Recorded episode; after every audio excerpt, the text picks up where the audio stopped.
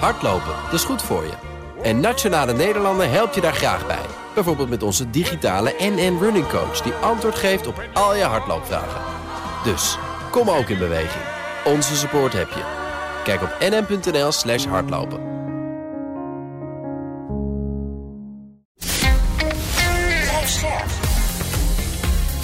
BNR Nieuwsradio. Boekenstein en de Wijk. Hugo Reitsma. Dit is een extra uitzending van Boekenstein en de Wijk in verband met de oorlog in Oekraïne en de crisis met Rusland. Het is dinsdag, dag 335 van de invasie en ik heb voor jullie een vraag van Bram.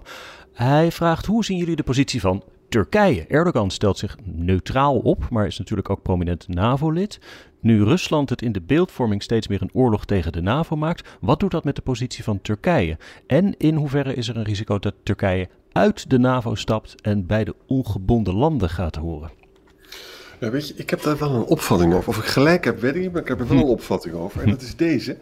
Als je nou begint met de jaren 60 met Frankrijk en de NAVO, grote spanningen. Waarom komt Frankrijk dat doen?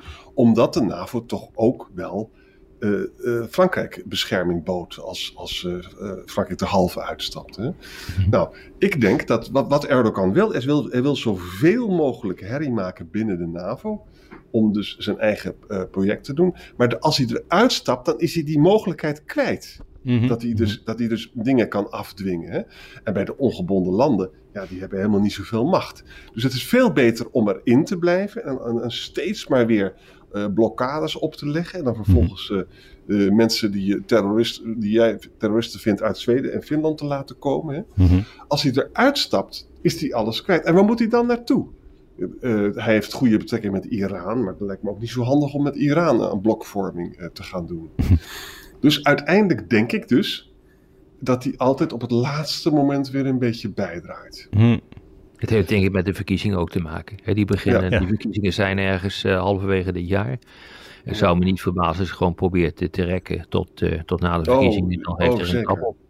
En, uh, maar, maar, maar, kijk, wat een interessant punt is in die, in die vraag, is of Turkije dan de afzwaai gaat maken naar de niet gebonden landen. Ja. dus niet gebonden landen, dat is een groep van, nou, een grote groep hoor, iets van 120 landen was het ooit. Uh, binnen de bestel van de Verenigde Naties. En die wilden zich niet koppelen aan Oost of West. Dus aan de NAVO, geleid door Amerika, of het Warschau-pact, geleid door de Sovjet-Unie. Nou, dat hele, uh, dat hele concept van niet-gebondenheid begint natuurlijk nu weer heel erg relevant te worden. Dat zien we nu bij landen als India. die zijn die, die, dat land hoort bij die, niet, die groep van niet-gebonden landen. En die hebben helemaal geen behoefte om zich te koppelen aan Oost of West. Ik denk dat dat voor Turkije niet geldt. Turkije speelt een eigen spel.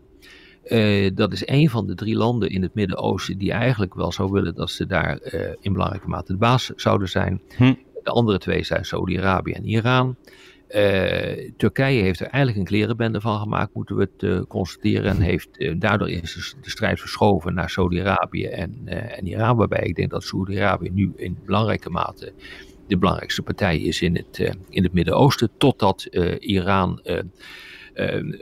bevrijd wordt van de hele discussie rond die Iran-deal. Dus de, ja. die nucleaire deal, de, de, het verbod op het produceren van kernwapens. Als dat gewoon goed gaat, dan zal je zien dat in één klap Iran een ongehoorde machtsfactor gaat worden binnen het Midden-Oosten. Hm. en niet alleen maar zijn macht hoeft uit te oefenen door middel van terreuraanslagen en het steunen van terroristische bewegingen in het Midden-Oosten.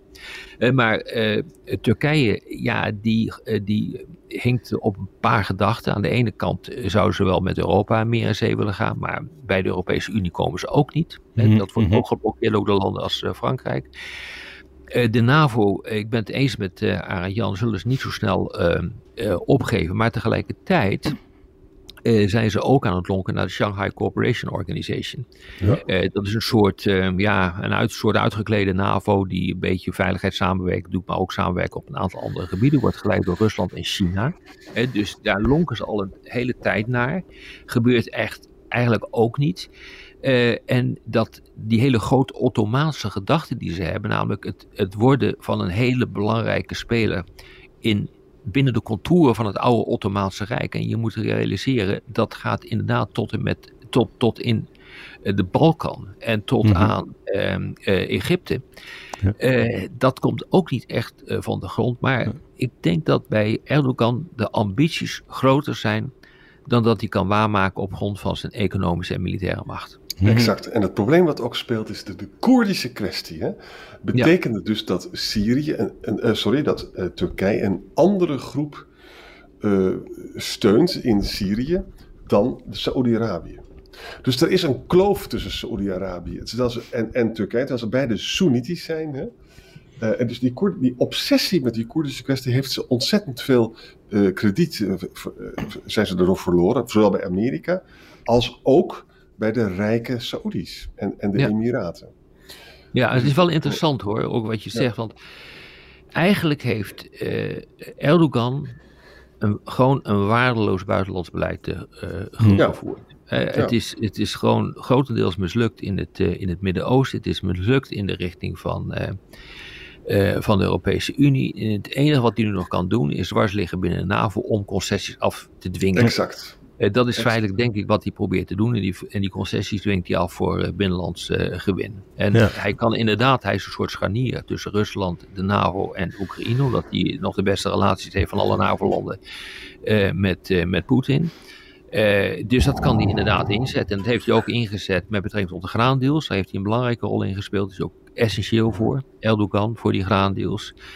Ja, dat is denk ik nog het enige wat hij heeft.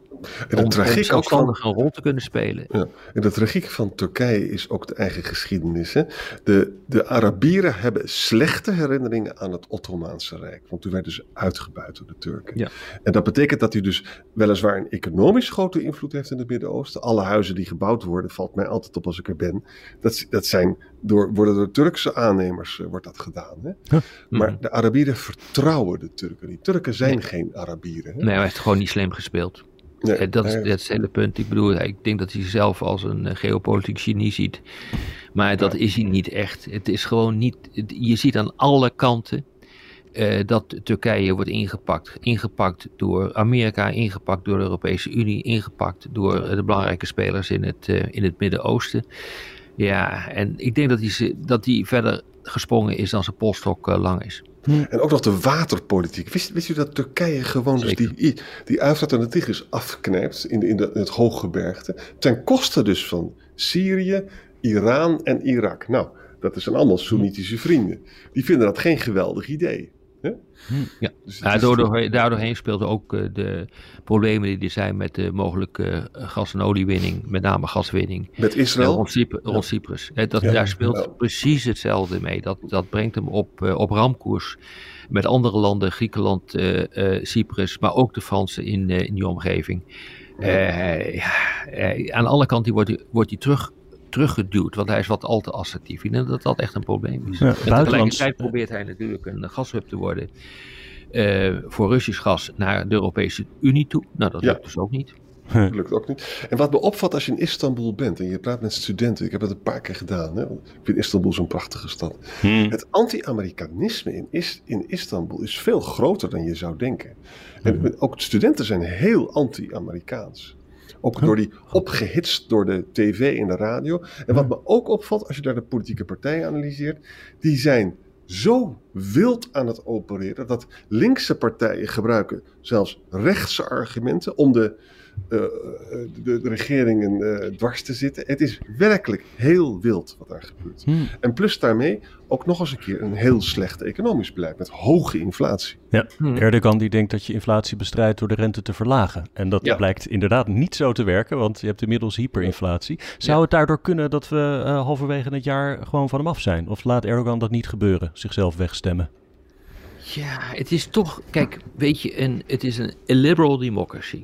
Hm. Het, is een, uh, het is een democratie met autoritaire trekjes. Het is een autoritaire democratie. Dat wil zeggen dat verkiezingen op zich best eerlijk uh, kunnen verlopen. En door die verkiezingen uh, ja, verkies je een autoritaire leider. En die mag het dan weer voor een jaar of vier doen. En dan heb je weer verkiezingen. En die kunnen op zich eerlijk verlopen. Het probleem is natuurlijk dat zijn grootste tegenstander de burgemeester van Help Istanbul, volgens mij Istanbul, Istanbul. in de bak is gegooid. Ja. zo kan ik het natuurlijk ook. Weet je, dat, dat, zijn, dat zijn Russische, dat zijn Russische uh, technieken waar in Rusland ook de verkiezingen op zich open en eerlijk kunnen verlopen. Ja. Maar het wordt zo gemanipuleerd dat het vervolgens weer wordt gewonnen door, in dit geval, Poetin.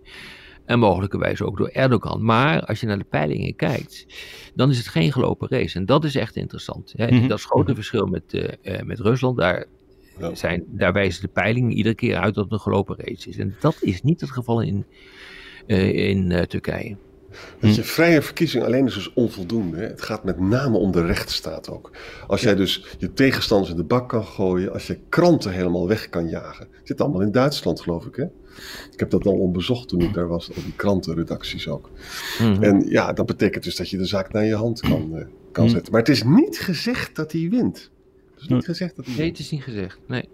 Maar laten we dan, uh, of u, ja, laat het Westen dan uh, Erdogan maar blijven dwars liggen voor Zweden tot aan de verkiezingen in de hoop dat hij dan daarna alsnog zijn oké geeft? Want het nou, begint inmiddels wel een probleem te worden. Die gaan natuurlijk ook op zitten. De, de, de, de, de Turken die willen ook graag een deal uh, met, met betrekking tot F-16's. Eerst ja. wilden ze F-35 kopen, maar dat is gewoon geweigerd. F-16 is afhankelijk ook uh, geweigerd. Dat heeft te maken met de aankoop van S-400 terugdoorraketten uit uh, Rusland. Dat heeft echt veel kwaad bloed gezet bij uh, de NAVO, met name bij de Amerikanen. Die zeggen, we, ja. we vertrouwen die jongens niet, dus ze krijgen ook geen wapensysteem met hooggevoelige technologie. Daar zit denk ik een deel van de oplossing. Hè, dat ze toch uh, een, uh, een F-16-contract uh, eh, krijgen.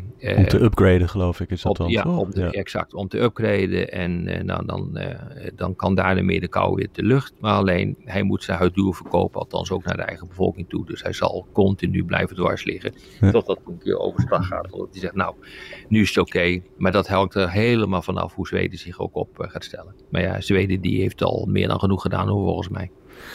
Hmm. Vermoeiende man, die Erdogan. Ja. Nou, dat mag je wel zeggen. En als, het, uh, als je het nou hebt over een bondgenootschap uh, wat bij elkaar moet blijven, dan heb je er hier wel eentje hoor. Want je hebt natuurlijk altijd van dat soort le uh, leiders, of, dat, of ze nou in Polen zitten, of in Hongarije, of in, in Turkije uiteindelijk, weet je. Dat zijn gewoon machtspolitici die voor hm. zichzelf gaan en het grotere geheel niet voor ogen willen hebben. Dat begrijpen ze natuurlijk helemaal goed, het uh, grotere geheel. En daarom gaan ze uiteindelijk ook wel overstap, omdat andere landen bovenop ze gaan zitten. Maar het is wel heel vermoeiend. En het probleem is, ook hier weer allemaal dilemma's. Hè? Stel je voor dat Hongarije uit de EU valt, dat, het, hij net te ver gaat en het gaat allemaal gebeuren. En hij gaat zich meer richten op Rusland, wat hij nu al doet. Dat is ook niet in ons belang. Hè? Dan gaan we dus weer paai, gaan we weer natte en pap houden. Omdat we, dat is dan toch maar beter dan, die, dan dat die wegloopt. Ja. ja. Maar goed, dat is Hongarije, dat is niet Turkije. Nee. Oké. Okay. Mede namens Bram, dank. En tot morgen. Tot morgen. Tot morgen. Business Booster. Hey ondernemer, KPN heeft nu Business Boosters. Deals die jouw bedrijf echt vooruit helpen. Zoals nu, zakelijk tv en internet, inclusief narrowcasting... de eerste 9 maanden voor maar 30 euro per maand. Beleef het EK samen met je klanten in de hoogste kwaliteit. Kijk op kpn.com businessbooster. Business Booster.